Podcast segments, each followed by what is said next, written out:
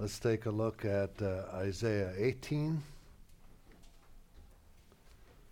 And this is in the section about, of uh, oracles about the foreign nations, which cover chapters 13 to 23.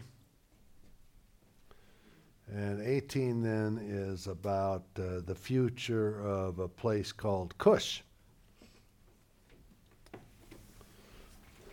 Cush is, is uh, south of Egypt, ancient Nubia.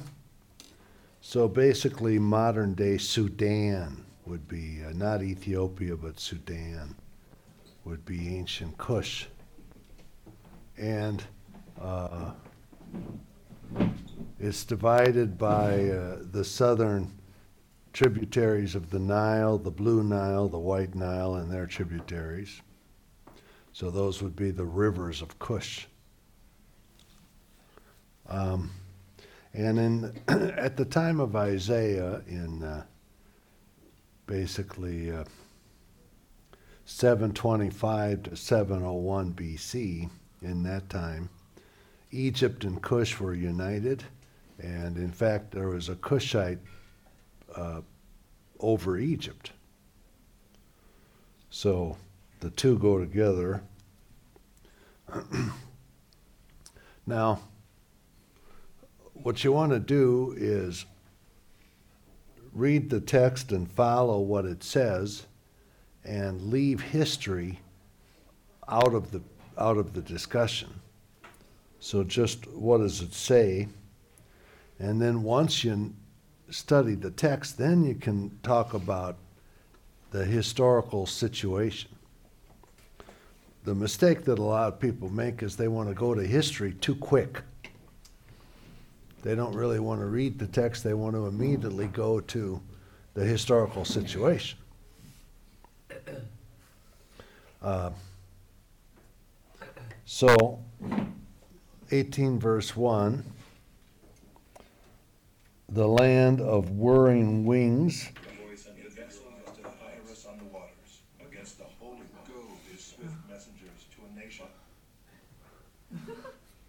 The land of whirring wings that is beyond the rivers of Cush.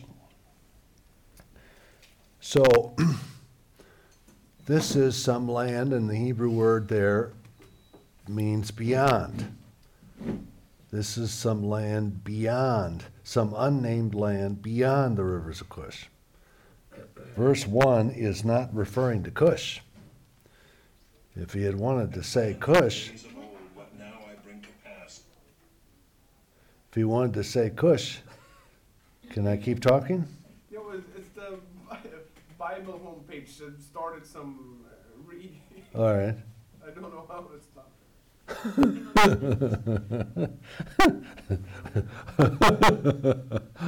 It. Okay.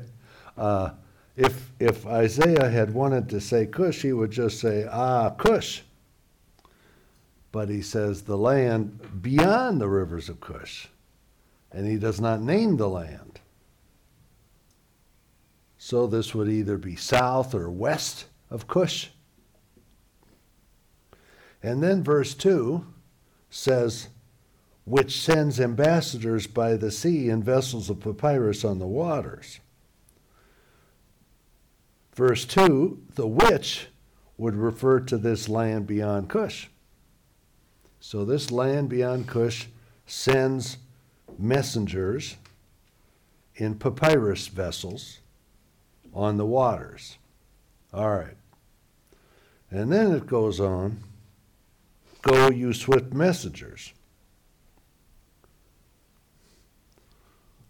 So, just reading the text, who would you equate the swift messengers with? You know, the people that were coming from this land beyond the uh, rivers. Exactly. The swift messengers would be the ambassadors of verse 2 who are going on the vessels of papyrus. It would be the same group, not a different group. Who would be speaking?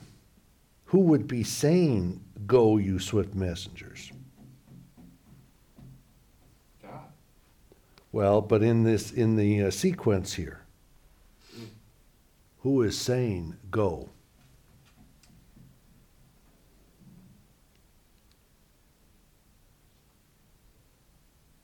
Isaiah, No, in the sequence here.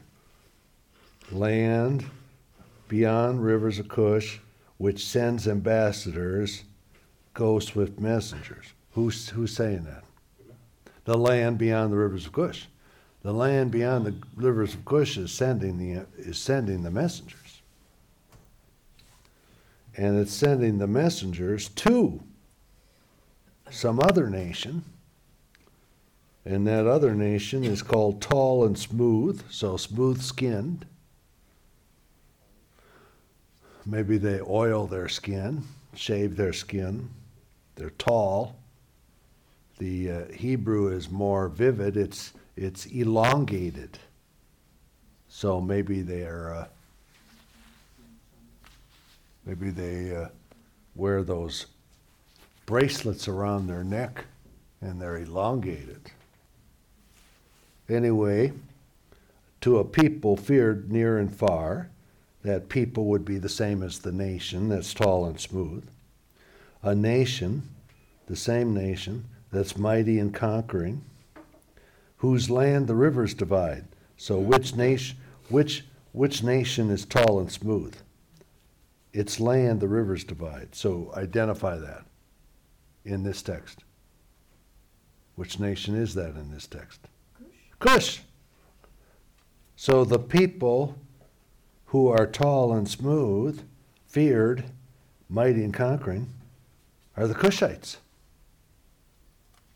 And so some nation that's beyond the rivers of Cush is sending messengers to Cush. That's the picture. And I'm just reading it the way it reads. Now, I'll give you the interpretations that a bunch of people give. They say that the person who is saying, Go swift messengers, is uh, the palace or Isaiah in the palace in Jerusalem. And he's telling the Jerusalem messengers to go to, to go to Cush.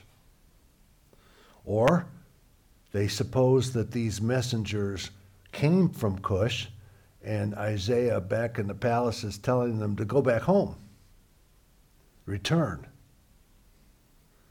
Or they suppose that the palace in Jerusalem is sending messengers to uh, northern Israel. in other words, weird interpretations, but if you just take the language,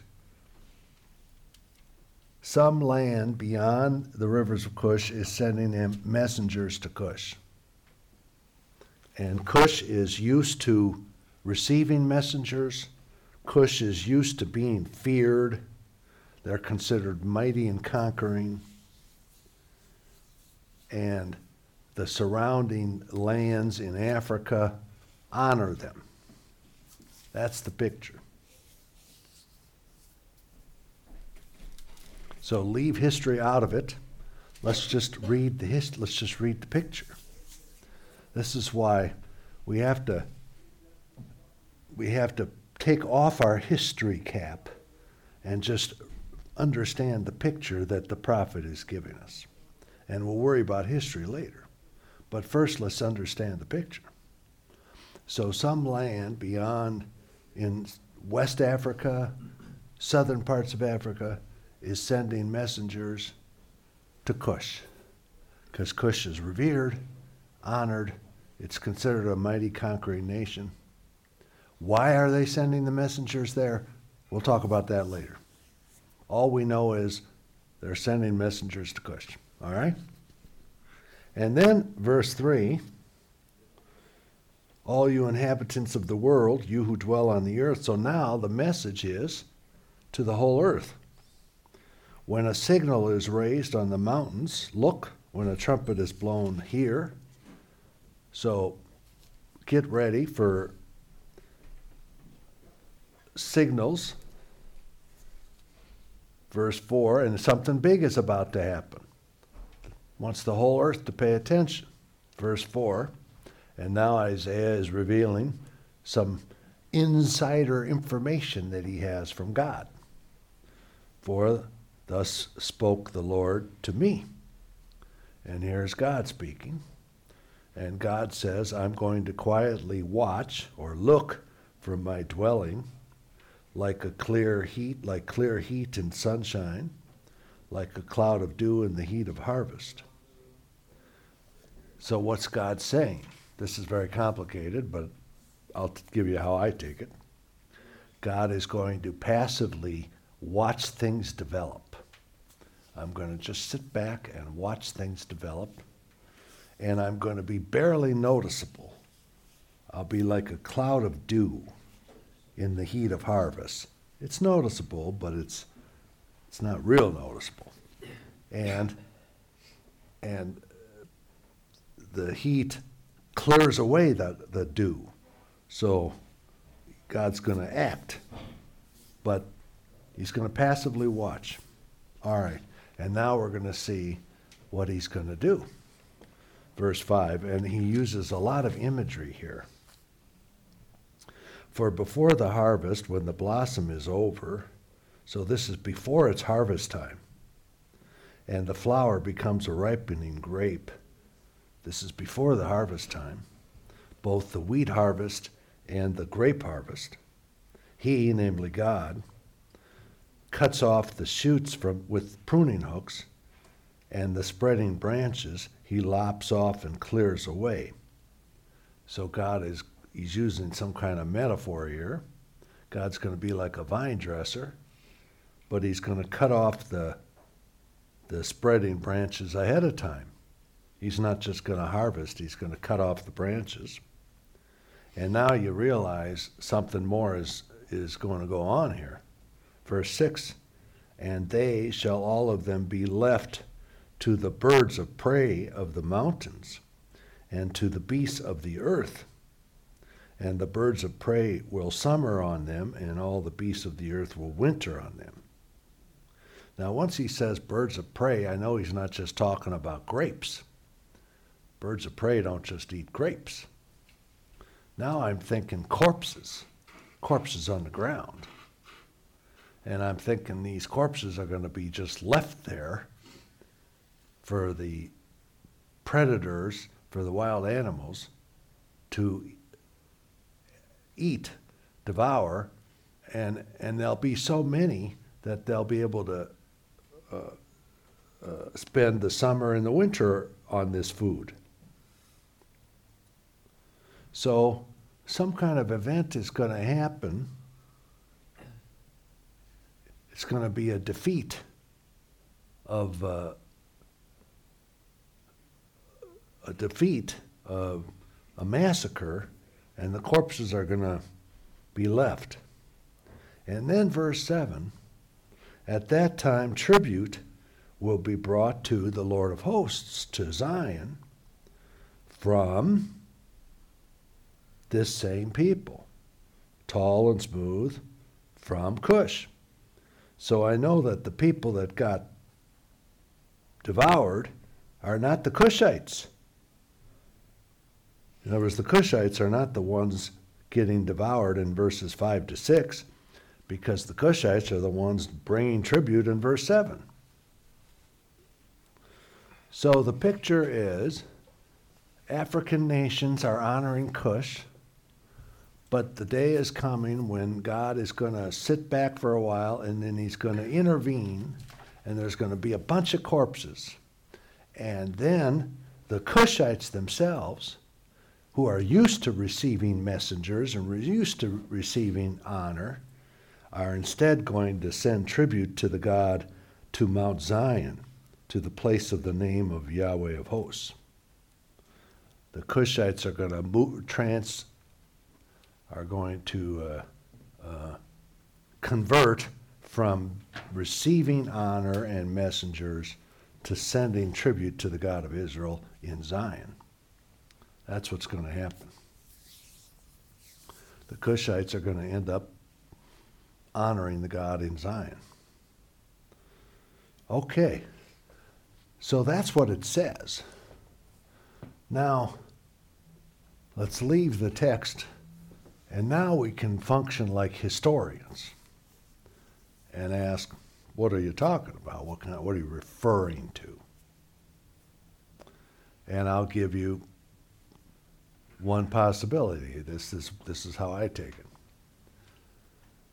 Other African nations send their mercenary soldiers to Kush to join Kush's army. Kush has this uh, famous army with a lot of mercenary soldiers. And the Cushites are used to uh, being the dominant force in, in the south.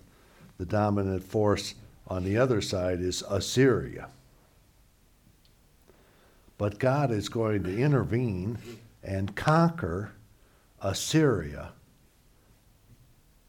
And it's going to be uh, so spectacular that the Cushites are going to want to honor the God in Jerusalem. And this, in fact, is what happened in 701 BC. So turn to Second Chronicles 36. Second Chronicles 36. No, I'm sorry, Second Chronicles 32. Second Chronicles 32. And let's let's get the picture.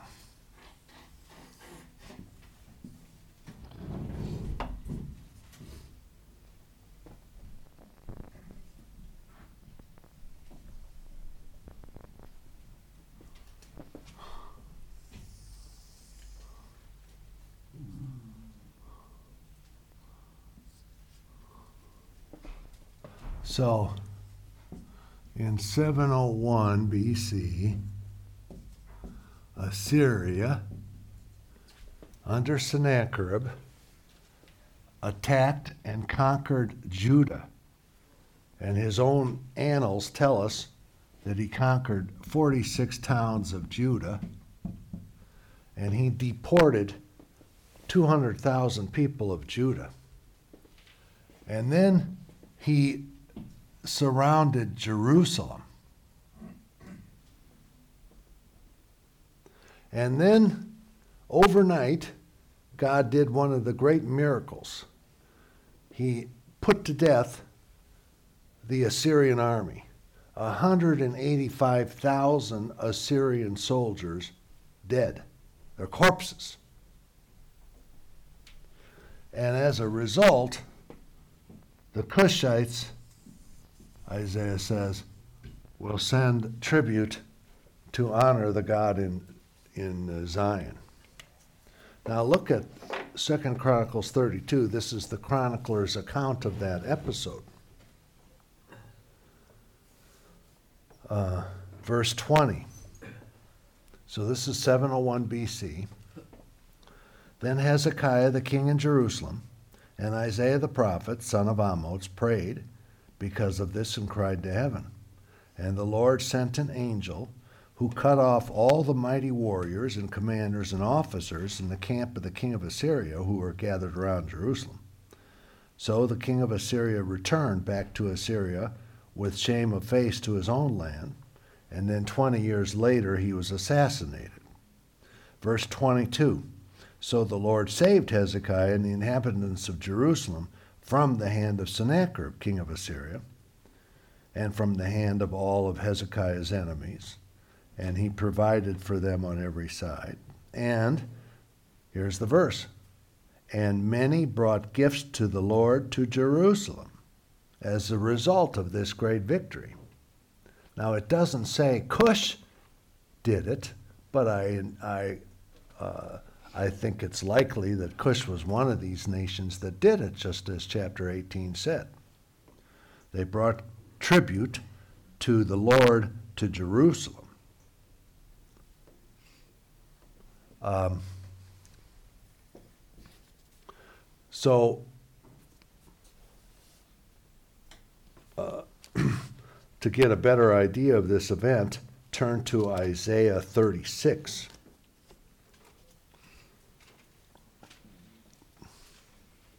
Isaiah 36. This is one of the great miracles of uh, the Bible. So, in the 14th year of King Hezekiah, so this is 701 BC, Sennacherib, king of Assyria, came up against all the fortified cities of Judah and took them. Like I say, his own records tell us he took 46 of them. And he was besieging Lachish. And uh, Sennacherib sent a messenger to Jerusalem. Um, and he makes these speeches to Jerusalem, basically trying to argue Jerusalem surrender. Uh, the king of Assyria is going to conquer you, so just surrender.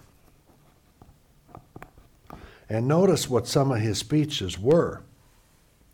Look at uh, 36, verse 6. He's talking to Hezekiah, the king in Jerusalem, and the city of Jerusalem. Behold, you are trusting in Egypt. That would be Cush, Egypt. But it's a broken reed of a staff, and it will pierce the hand of any man who leans on it, such as the Pharaoh, king of Egypt, to all who trust in him. So that's foolish to try. That's what his. That's what the ambassador of Assyria is saying to Jerusalem. Don't trust in Cush and Egypt. Verse seven. But if you say, "We'll trust in Yahweh our God," and then he says, "Don't do that," and then he expands on this. Um, look at verse eighteen. 36, verse 18. He says to the people, Beware lest King Hezekiah mislead you by saying, Yahweh will deliver us. And notice his argument. Has any of the gods of the other nations delivered his, his land out of the hand of the king of Assyria? Where are the gods of these other places? Hamath and Arpad, where are the gods of Sepharvaim? have they delivered Samaria out of my hand? Who among all the gods of these lands have delivered their lands out of my hand, that Yahweh should deliver Jerusalem? So, what's his argument? This is the messenger of Assyria. What's his argument? Well, the gods in all these other countries didn't help when Assyria attacked them. Exactly. Why would your God help? Exactly. Exactly. Your God's not gonna, is no match for Assyria. None of the other gods could stop us. it's an interesting argument. Is the God of Jerusalem any different from all the gods of the other places? All right. So then Hezekiah has a prayer. Look at 37, verse 14. And Hezekiah uh, went up to the temple and spread, spread this letter. And then, verse 15, Hezekiah prayed to Yahweh. O Yahweh of heavenly armies, God of Israel, who is enthroned above the cherubim, you are the God, you alone of all the kingdoms of the earth. You made heaven and earth. You're the creator of the heavens and the earth. You're the only God. And then, what's the prayer? Incline your ear, O Yahweh, and hear. Open your eyes, O Yahweh, and see. Hear all the words of Sennacherib, which he has sent to mock the living God. That's what Sennacherib is doing, mocking the living God. And Hezekiah admits, verse 18 Truly, O Yahweh, the kings of Assyria have laid waste all the other nations in their lands and have cast their gods into the fire. Yeah, okay, they defeated those gods. Notice, for they were no gods, but the work of men's hands, wood and stone. Whoopee, the king of Assyria conquered a bunch of statues. I'm impressed. Whoopee, you conquered a bunch of statues. And then uh, the prayer is, verse 20 So now, O Yahweh our God, save us from his hand, and that all the kingdoms of the earth may know that you alone are Yahweh. So it would be a revelatory action to all the other nations. Did you hear what the God of Israel did? Well, what does the God of Israel do? Verse 36. One of the things about Old Testament narrative is uh, uh, they want to give you all the speeches, but they're not. They don't. They don't spend too much time on action. And and uh, at least we Americans, we want to see the action. But what they give you are the speeches. And when it gets down to the action, they just give you one verse. Uh, the story of David and Goliath is a good example. Uh, the whole thing is speeches. Everybody's making speeches. And you're saying, okay, but show me some action. And then one verse David picks up the stone, slings it, boom, he's, he's dead. And, and you're going, that's it? Just one verse? And Hollywood would take that and put that in slow motion. It would take them a half hour just to watch the stone fly through the air, you know. Um, so, same way with here. Verse 36 gives us the action. Look at verse 36. And the angel of the Lord went out and struck down a 185,000 in the camp of the Assyrians. And when the people of Jerusalem arose early in the morning, behold, these were all dead bodies. so the Jerusalemites, they just slept. and in the morning, the whole army is decimated.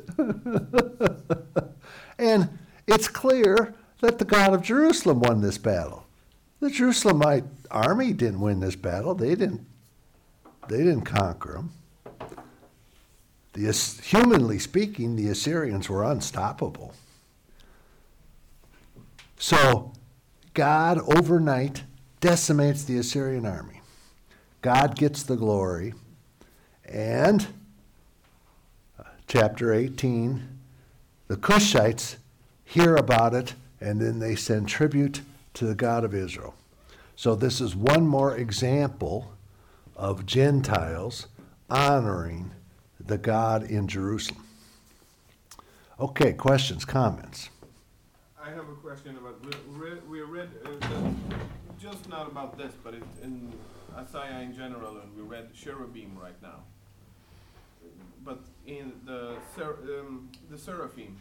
That's chapter 6, the that- yeah, seraphim. That's chapter six, are only mentioned in Isaiah. The seraphim? Yeah? Why do you bring this up? No, I'm just curious, because we, are there any other sources of that? Of seraphim? Yeah, Yes, we, uh, the seraphim are mentioned elsewhere. It's not those seraphim, but seraphim is the plural of seraph. And, uh, and in Hebrew, a seraph is a snake. So these are snakes flying around in the throne room of God. And one scholarly guess is they might have been winged cobras. But that's what seraph means, snake. It's just it's kind of a snake. Why do you bring that up? I, I was something I thought about is, is All right. they're Assyrian king's understanding of himself in relation to his temple, city's temple God. Well, that, I don't know about back home in Nineveh. He's from Nineveh. And they have their official gods there in Nineveh. And he has his, uh, he, he gets assassinated in the temple of his god. Um, but he has no respect for the God of Jerusalem. He treats the God of Jerusalem as just like all the other gods that he conquered. Right? But he conquers gods, but he himself is back home, the one in charge of the city and the temple. Well, no. Uh, so look at uh, back home. It actually tells us what happened. Look at 37, verse 37. And so after this defeat, Sennacherib, king of Assyria, departed and returned home and, to live in Nineveh. And then 20 years later, we know from history, verse 38, he was worshiping in the temple of Nisroch, his god. And the, his two sons struck him down and assassinated him. And that's, uh, that's humorous. In other words, he thought the God in Jerusalem was, was nothing. Uh, and yet that God saved his whole city. And then back home, he's in the temple of his own God, and his own God can't even protect him. He gets assassinated. He gets assassinated in, in his temple. That's kind of humorous. His own God couldn't even save him. Huh. The, the same way of understanding the headship of the city and the temple in uh, Nineveh as in Jerusalem. But he is lost in before the eyes of Israel.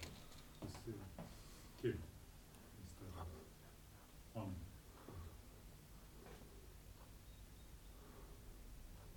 Yeah.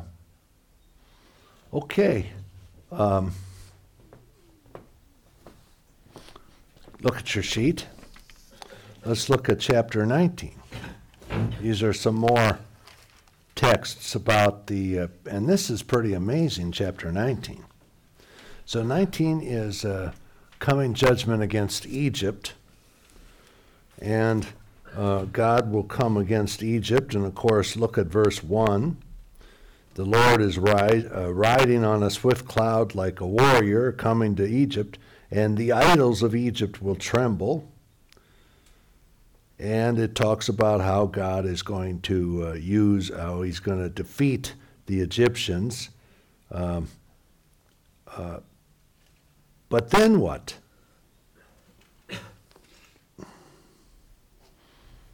And then he gives these scenarios of how things are going to be different in the age to come. So, verse 16 In that day, Egyptians will be like women, and they'll tremble with fear before the hand of Yahweh. And the land of Judah will become a terror to e- Egypt uh, because of the purpose of Yahweh, of hosts. So, uh, they're going to respect Judah and the God of, of Judah. And in verse 18, another scenario. There'll be five cities in the land of Egypt that'll speak Hebrew, no longer Egyptian, and swear allegiance to Yahweh of hosts. And then verse 19 is another scenario. And there'll be an altar to Yahweh in the middle of the land of Egypt and a pillar to Yahweh at its border. In other words, the whole land will, will set up markers indicating we're dedicated to Yahweh, the God of Israel. And then look at verse 23.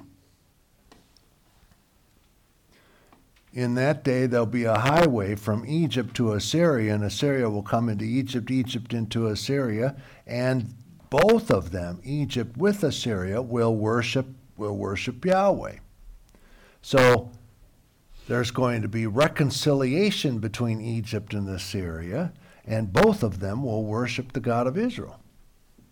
Now that's that's an amazing promise, because at the time of Isaiah, Egypt and Assyria were bitter enemies. Assyria was conquering; they, they were the two powers. Egypt and Assyria are the two powers, and all these lands in the middle, they're just stuck in the middle.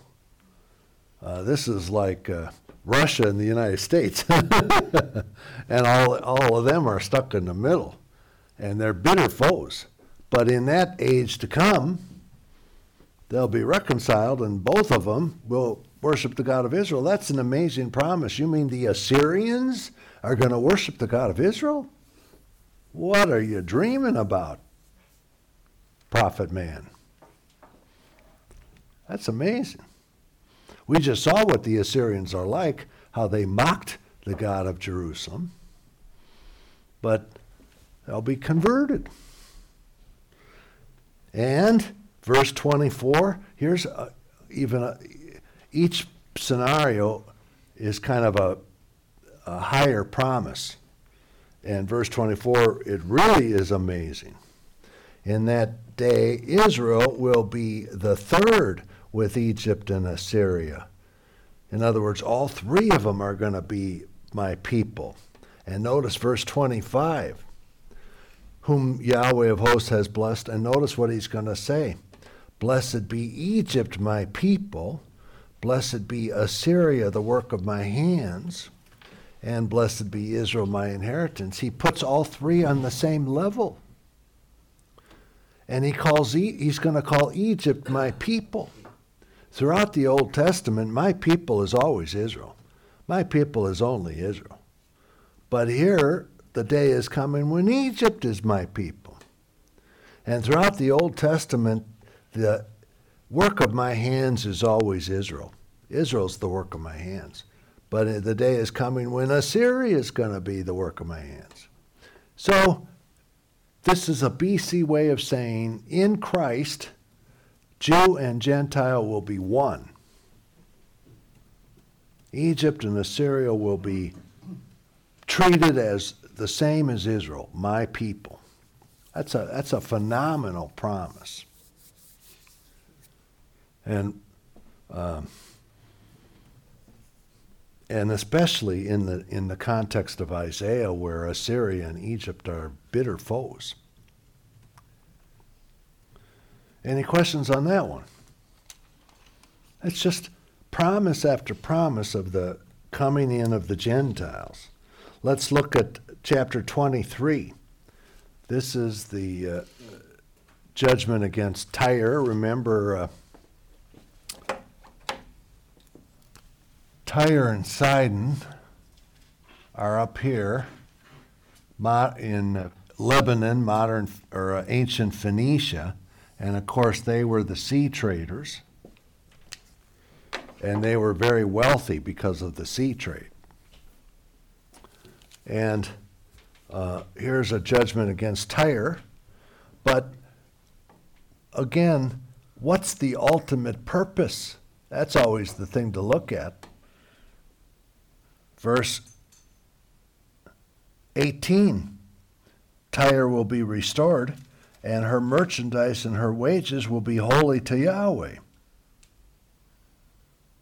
And it will supply abundant food and fine clothing for those who dwell before Yahweh. In other words, Tyre is going to bring, bring tribute to Zion. So now Tyre is used to spending her money on herself, but on that day, she's going to bring tribute to Zion. Yes. Wasn't that many of the material for the Solomon's temple came from Tyre? That's right. So it's going to be a repeat of that kind of. Was the material for the second temple from Tyre as well? I don't. I don't. I do not know. I do not know. Um, now look at chapter 25. Here's one of the great passages of the Bible. And it's uh, pretty phenomenal. It's a great Easter passage. 25, verse 6. On this mountain, which mountain? The mountain referred to in, at, in 24, verse 23. 24, verse 23, Mount Zion and in Jerusalem. Verse 6, on this mountain, in other words, in Mount Zion, Mount Zion is the future of this kingdom of God. Yahweh of heavenly armies will make for all peoples, notice that plural, for all Gentiles, all peoples, a feast of rich food, a feast of well aged wine, of rich food full of marrow, of aged wine well refined. So the all peoples are going to Gentiles are going to come to Zion and enjoy the end time feast, the eschatological feast. Bible often pictures the kingdom of, of God as a feast. And it notice includes the Gentiles.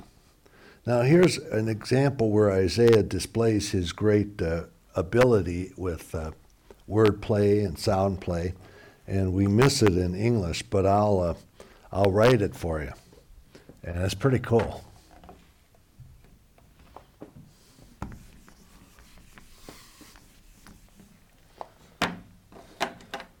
Uh, the Lord is going to prepare. Uh, I gotta. I'm sorry. Got to write it in English. The word. The Lord is going to prepare a feast of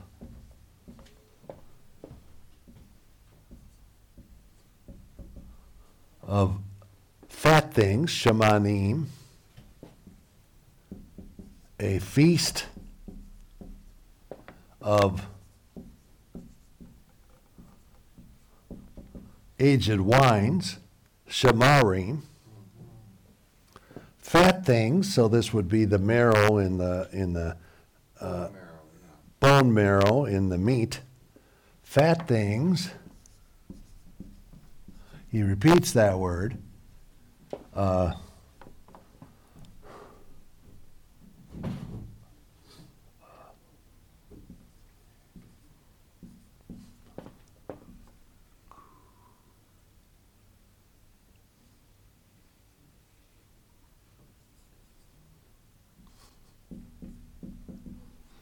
Mamuchayim. And then he repeats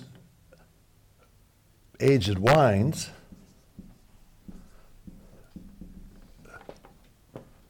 Well refined.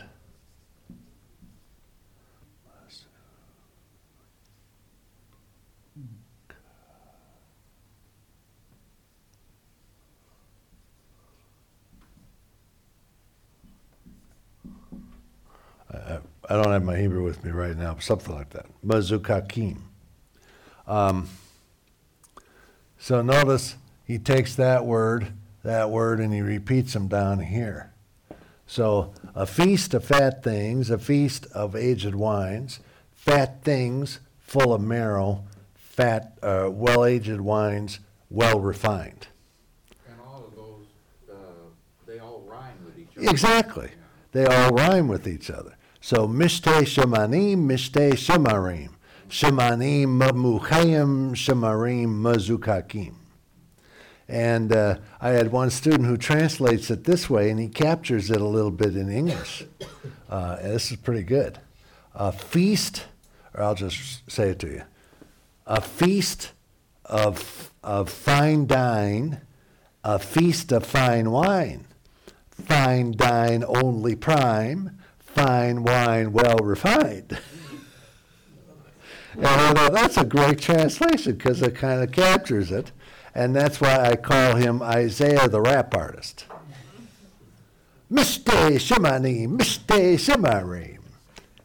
Shemani Mamukayim, Shemarim Mazukaki. And we miss this in our translations uh, because our translations always privilege the semantic meaning. But uh, I'm on a kick trying to encourage people to, to translate a little bit more the sound. So, a feast of fine dine, a feast of fine wine, fine dine only prime, fine wine well refined. And that kind of captures it a little bit. Uh, say, like I say, he does this all the time, these poetic pieces. Would, would that, would that be, would, the way he wrote that, would that be considered some type of jargon at that time, or is it, uh, as, uh, My, my hunch is uh, uh, he would sometimes he would actually coin his own words for the sake of the rhyme and sound. okay, And uh, uh, uh, ask any poet, why did you say it that way? And the poet says, because it sounds good. So it's we should sometimes he says it uh, not only because of meaning, but also because of how it sounds. Questions on this? Comments? Okay, so this eschatological feast for all peoples, and then verse 7 and he, God, will swallow up on this mountain the covering that's cast over all the peoples, the veil that spread over all nations. Again, this is going to include all peoples. What is this covering, this veil? And then he tells us that in verse 8. He will swallow up death. Death is like a suffocating blanket over all Gentiles, over everybody. But on that day, God will swallow up death. This is the reversal. Right now, death swallows up the living. That's what happens. common image. Death swallows up the living. Just and it has an insatiable appetite, constantly swallowing more and more of the living. But on that day, death itself gets swallowed up, which means death vanishes, disappears. It's kind of an interesting verb. God will swallow up death. The swallower gets swallowed. Reversal. And it's also interesting in this context of feasting. So God has a feast. He feasts on death. um, well, this age to come, death itself is no more. That's a phenomenal prospect. And people must have thought, You're nuts, prophet. What are you talking about? No more death. But what happened? That promise broke into history ahead of time with the bodily resurrection of Jesus, who is the first fruits, so that ultimately, when he returns, all the dead in Christ will be raised, and death itself will be done away with. 1 Corinthians. So, uh, sure enough, Christ's own bodily resurrection is the guarantee that this promise of Isaiah will happen. And uh, the Apostle Paul quotes this verse. Remember that in, cha- in 1 Corinthians 15? That's death itself will be swallowed up. But notice how it will include, it will be a blessing for all people, all people, all Gentiles. So again, that all Gentiles will stream to Zion, enjoy the eschatological banquet, and no more death in fellowship with the God of Israel. All right? Yeah, questions, comments on that? Okay, let's, I guess, take a, a how long of a break? This time? Ten minutes. Five minutes? Let's say five minutes. And then we can, uh, uh, I want to finish the Isaiah passages.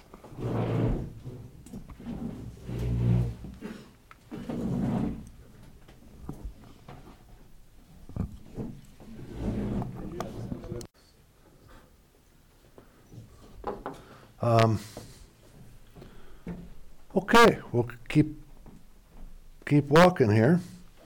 So you'll look at your sheet, and the second half of the book of Isaiah emphasizes this as well. But so we've seen first half has quite a bit, second half as well. Um, so starting off with chapter 40, this well-known passage in chapter 40. Uh, comfort, comfort ye my people. Uh, speak tenderly to Jerusalem. She's about to enter into a new time period, the age to come. And what's going to happen, verse 3 the Lord Himself, our God, is coming. That's what that's the preparation for the way of the of Yahweh, the way of our God.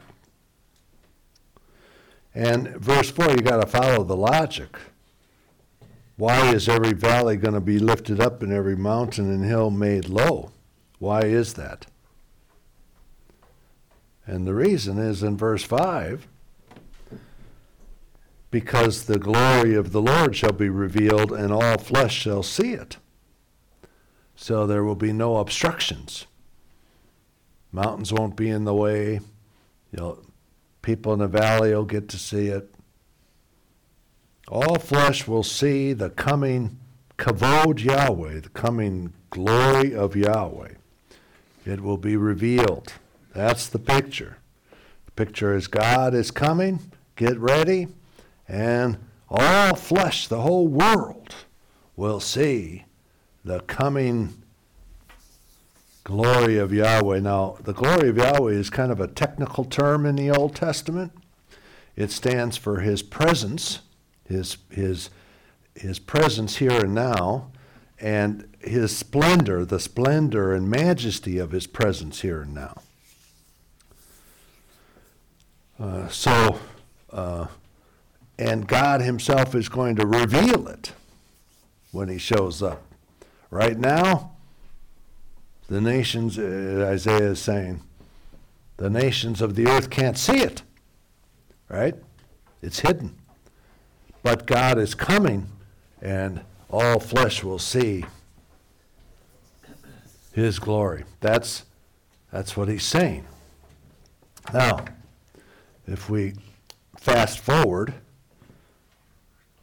how did God make this happen? And again, on the one hand, there's a now. Jesus manifests the glory of the Lord. On the other hand, there's a not yet. When we see Jesus manifesting the glory of the Lord in a visible, glorious way. And uh, the New Testament works this theme in different ways. John's gospel, remember, emphasizes that the glory of the Lord begins already with his uh, crucifixion. He's, glo- he's being glorified already with his crucifixion. But it's this universal expectation. Not, it's not just Israel, all flesh is going to eventually see. And here we are, 2,700 years later, and we Gentiles, we see the glory of Yahweh in the face of Jesus. His, it, uh, and one day we'll see it as he showed it on Mount on the Mount of Transfiguration. Okay, so right off the bat, all flesh will see it. And then this part of Isaiah talks about the servant of Yahweh. Let's take a look at chapter 42. God says, 42 verse 1, My servant, I put my spirit upon him. And what's he going to do? He's going to bring forth mishpat to the nations. We translate that justice. It means God's saving justice, God's saving righteousness. And uh, so the servant has this mission to all the Gentiles. And it's it, uh, uh, he speaks about it again in verse 6, uh, where Yahweh speaks to the servant and says, I am Yahweh. I have called you the servant in righteousness. I'll take you by the hand and keep you. I'll give you as a covenant for the people. That would be for the people of Israel. And then notice, and a light for the nations, for the Gentiles. So the servant is going to be a light for the Gentiles to open the eyes that are blind, bring out prisoners from the dungeon. Uh, so the servant reveals God to the nations, and the nations who are walking in darkness have seen a great light. And why? Verse 8 I am Yahweh. I will not give my glory to another. I will not give my praise to carved idols. So even the heathen one day will know the true God. Uh, that's the mission of the servant. We're going to learn more about the servant as we move on. But we see he has a worldwide mission. Then let's take a look at chapter 45. 45, verse 14.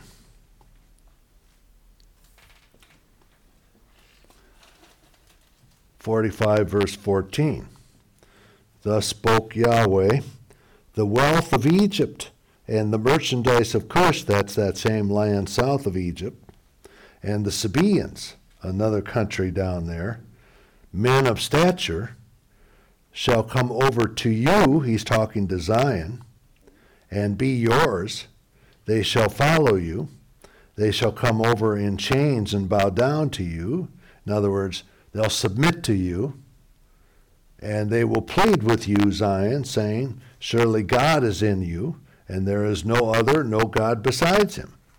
So one day they'll give up their idols and they'll come to Zion and they'll say, Surely God is with you.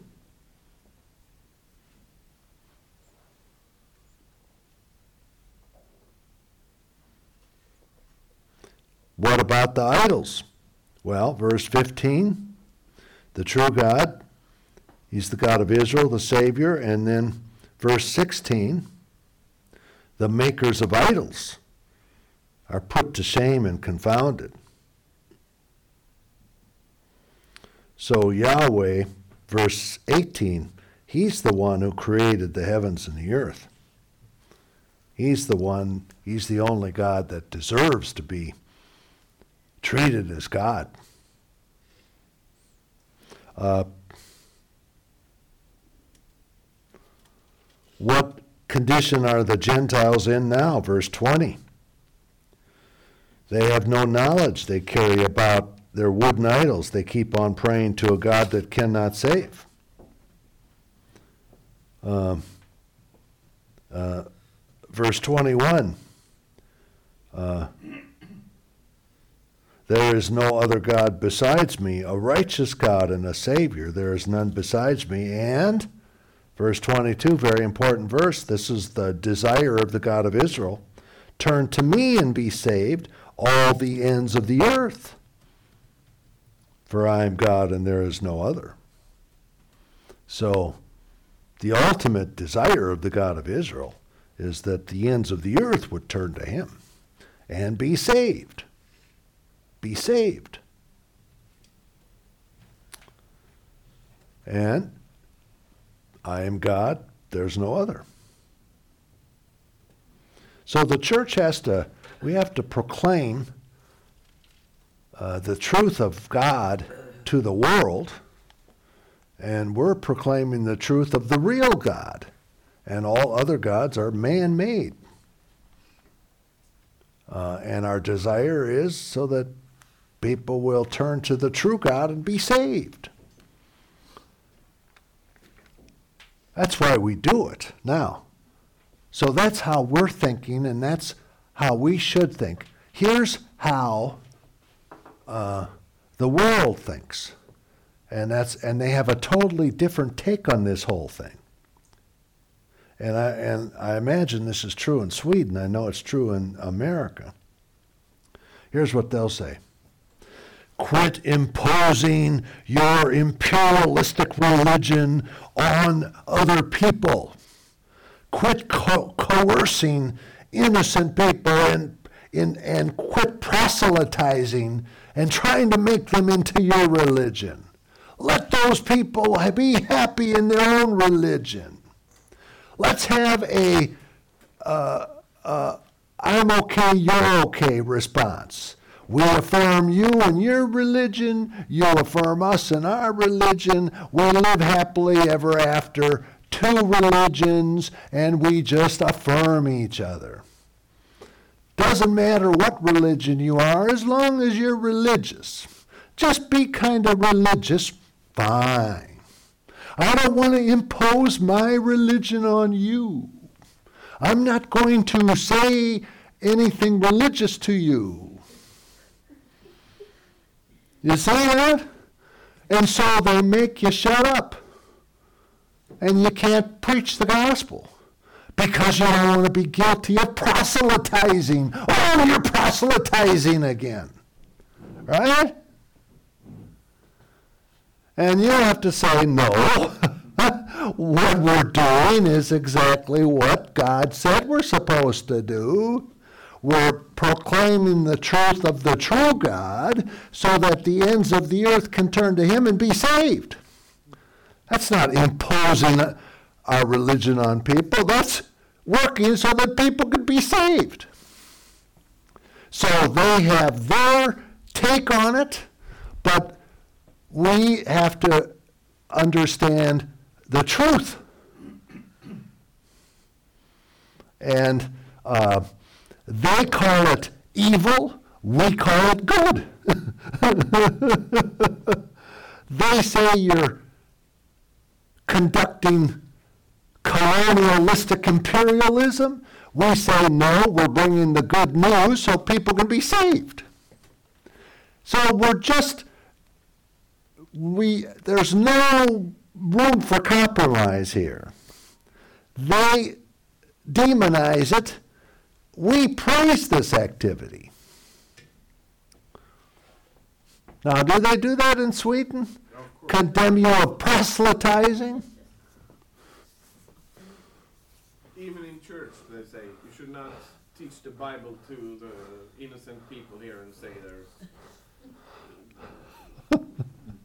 Uh, Because here in Sweden, they're all about the what they call the love message.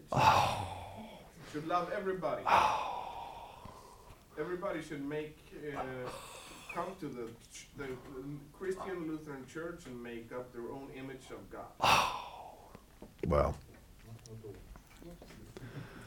Not all of And I think I read somewhere uh, that uh, if you're, when people have been Christians in a village somewhere, and they have got um, a hospital, they have got schools, they have, um, well, they have been more West-like, so that they come to say that um, you have taken from them the originally way of living.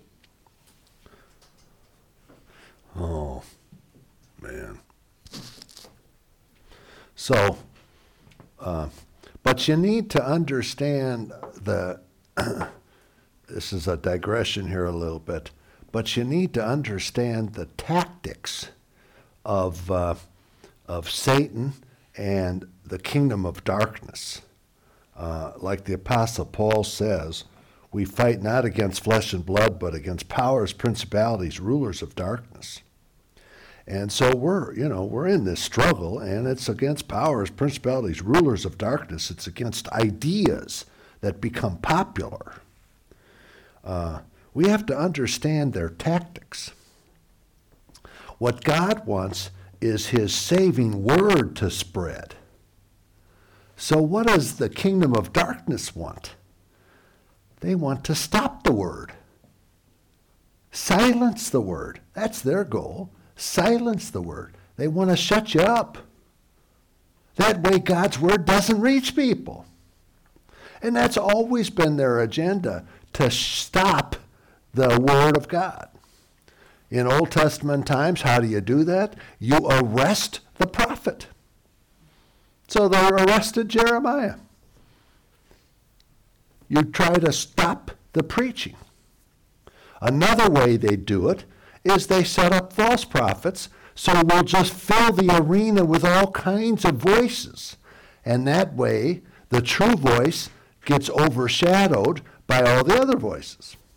That's another way of doing it. So we'll just throw at the world a smorgasbord of religious notions. And that way they won't be able to recognize the vintage meal that's right here because you got all this other nonsense. See? But they're both tactics, but the bottom line is they're trying to stop the truth from spreading. And what we have to do is follow our Lord's uh, commission and spread the truth, uh, even when it's politically incorrect. Because his truth is truth, even when people don't like it. Um, I always like that one line in the hymn, uh, A Mighty Fortress. I don't know how you say this in Swedish, but in English, uh, it says, you know, a mighty fortress is our God, a trusty shield and weapon. And then it says, uh, uh, the word they still shall let remain, nor any thanks have for it. So uh, the forces of darkness are going to try to silence the word, but they won't be able to. The word they still shall let remain, but nor any thanks have for it. They're not going to be thankful about it. They're going to grumble all the way. So you always have to expect resistance when you proclaim the truth. You always have to expect resistance. It's never going to be 100% yay and amen. There are always going to be the naysayers. And they're going to come up with various arguments. But basically, they don't want people, they're not going to allow people to do this. But what God wants is turn to the true God, all the ends of the earth, and be saved. So the church's mission um, uh, must go on. And that's just the way it is. Um, look at verse 23. God says, By myself I have sworn, for my mouth has gone out in righteousness, a word that shall not return. In other words, God's going to make sure this happens. It might, it might be ultimately on Judgment Day. To me, every knee shall bow and every tongue shall swear allegiance or confess. Uh, only in Yahweh it shall be said of me, are righteousness and strength. Um, so, He's the only true God, and only in Him is there salvation. Okay, let's take a look at chapter 49. Here, here's another servant song. And notice the servant, uh, we'll talk about this more tomorrow, verse 3. You are my servant Israel, in whom I will be glorified. This servant is Israel, but, verse 5, this servant is has a mission to Israel to restore Jacob, to bring back Israel. Uh, so, who is this servant? This servant, we'll talk more about this tomorrow, but here's a good phrase to remember is Israel reduced to one. So this servant is, is the singular embodiment of Israel who has a mission to collective Israel. Uh, and 49 verse 6, God says to the servant, It is too light of a thing that you should be my servant to raise up the tribes of Jacob, to bring back the preserved of Israel. So God gives the servant a bigger mission. I will make you as a light for the Gentiles, for the nations. Why? So that my salvation may reach to the end of the earth. That's the mission of the servant, that God's salvation reaches to the ends of the earth. Okay? Then let's take a look at the great chapter of 53. I want to talk about this more tomorrow. But here I just want to point out that the servant is going to bear the sins of, of, uh, of the many. And the many are the Gentiles, uh, verse 15, many nations. Um, but it also includes, he's going to bear the sins of Israel.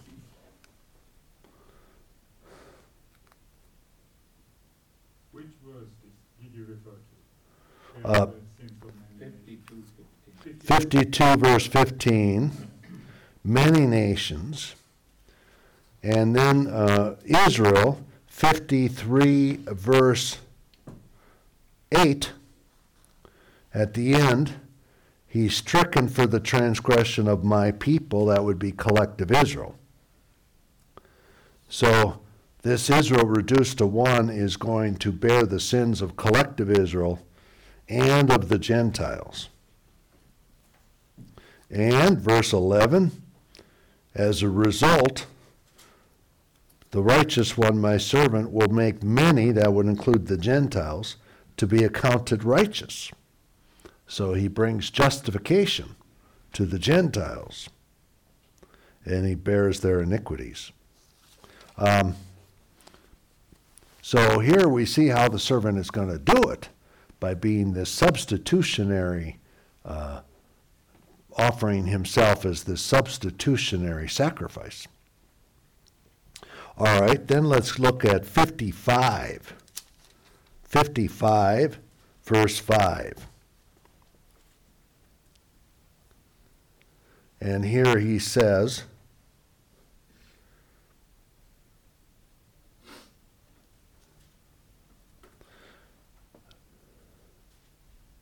to Israel, You shall call a nation that you do not know, and a nation that- did not know you shall run to you. Again, referring to how the Gentiles will come to Israel. They'll run to you. Why? Because of Yahweh your God and the Holy One of Israel. For he has glorified you, Israel.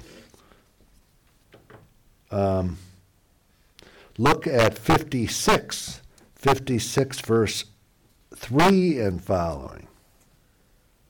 Again, he's talking about that future day of salvation. Let not the foreigner, so this would be a Gentile, who has joined himself to Yahweh say, Yahweh will surely separate me from his people.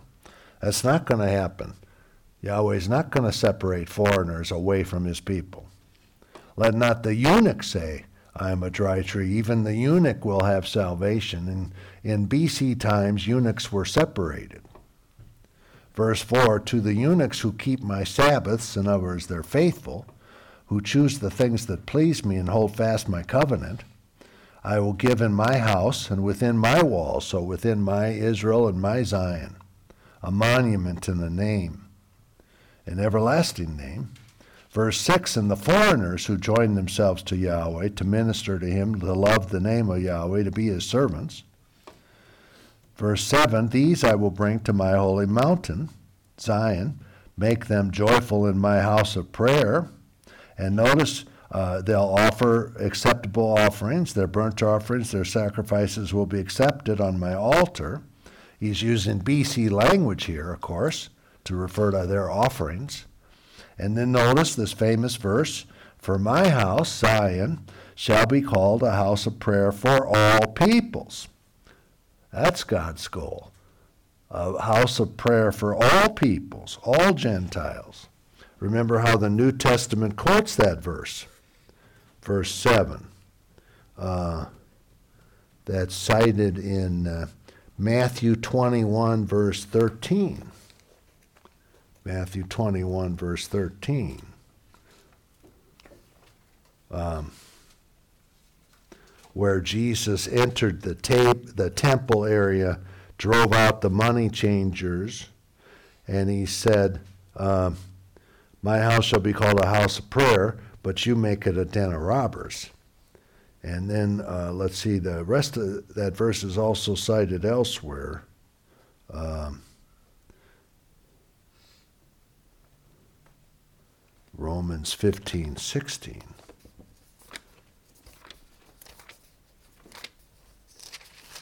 Um, well, no. So, that famous passage, it'll be called a house of prayer for all peoples. Then, take a look at chapter 60. 60 is the great Epiphany passage. It's addressed to Zion, so these are feminine singular pronouns. And he's speaking to Zion. Arise, Zion, shine, for your light is come. The glory of the Lord has risen upon you. So God's presence has come to you. Behold, darkness shall cover the earth, thick darkness the peoples, but the Lord will rise upon you, Zion, and his glory will be seen upon you. So Zion will be this beacon showing forth the glory of the of the God of Israel, and as a result, verse 3, the Gentiles shall come to your light, kings will come to the brightness of your rising. And then he tells Zion, uh, he kind of fast forwards, they're coming, look around. Lift up your eyes all around, they all gather. They come to you, your sons, your daughters, so this would be Israelites. And then verse 5 And then you shall see and be radiant, because the abundance of the sea shall be turned to you, the wealth of the nations shall come to you. So the Gentiles will bring in their wealth. We saw this earlier. And then here he illustrates that. Verse 6 A multitude of camels, gold, frankincense.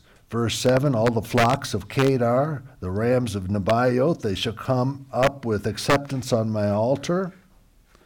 Um, uh, and then verse 11 People may bring to you the wealth of the nations, with their kings led in procession. Um,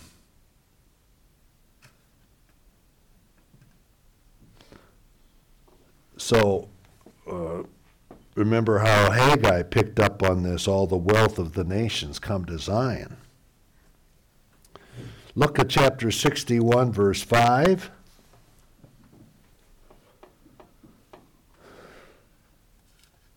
This is addressed to Zion.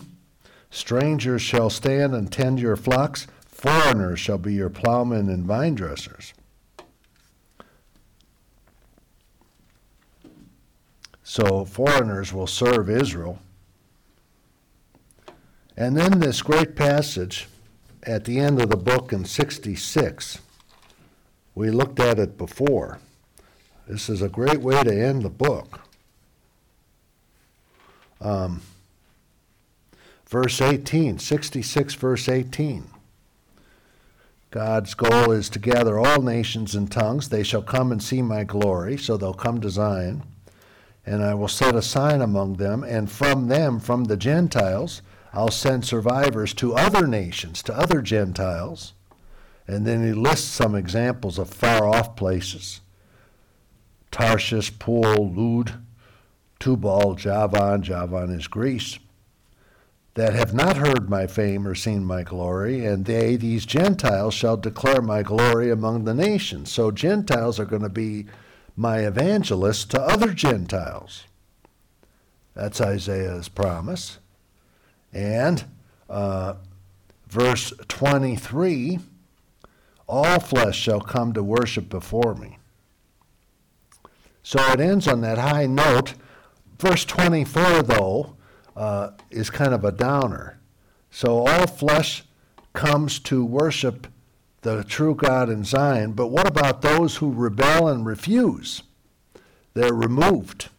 So, verse 24 So those who belong to God shall go out and look on the dead bodies of the men who have rebelled against me.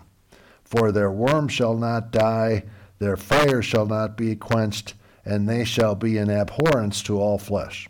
So it basically ends with a, a, a, a, a picture of hell.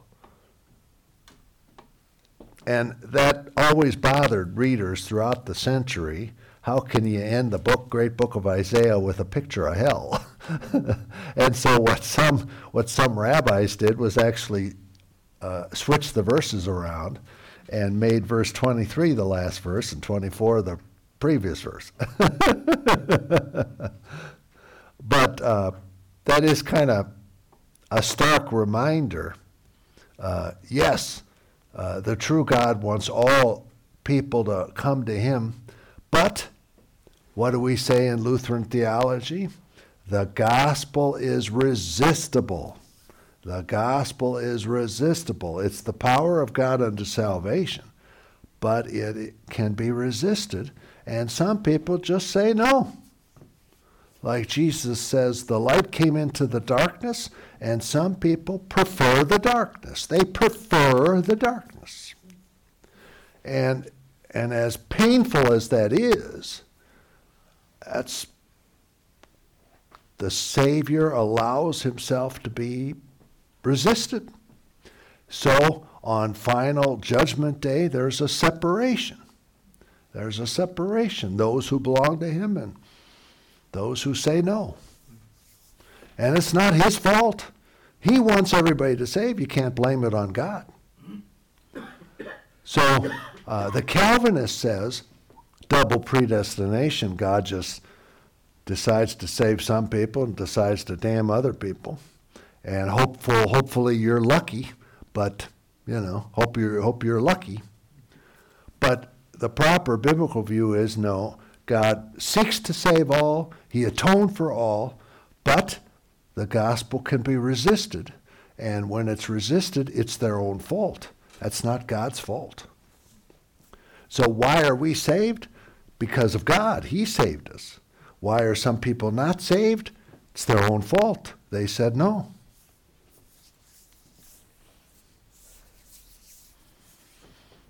But it's clear from the book of Isaiah God wants all people to come to Him. And the church has to go out into the, all the world with uh, the truth of God, and uh, the mission has to go on. And uh, uh, uh, in spite of the criticisms that people put up. Uh, so that's been my course. It's this promise of the Gentiles. And like I say, you are living examples of God fulfilling this promise.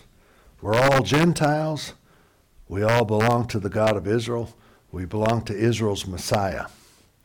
And we live at the ends of the earth. And we desire to bring the gospel to more parts of the earth. And uh, we keep doing this until the Lord returns in glory. And so we're part of the great project of God to bring in the Gentiles. And we've seen that in prophet after prophet.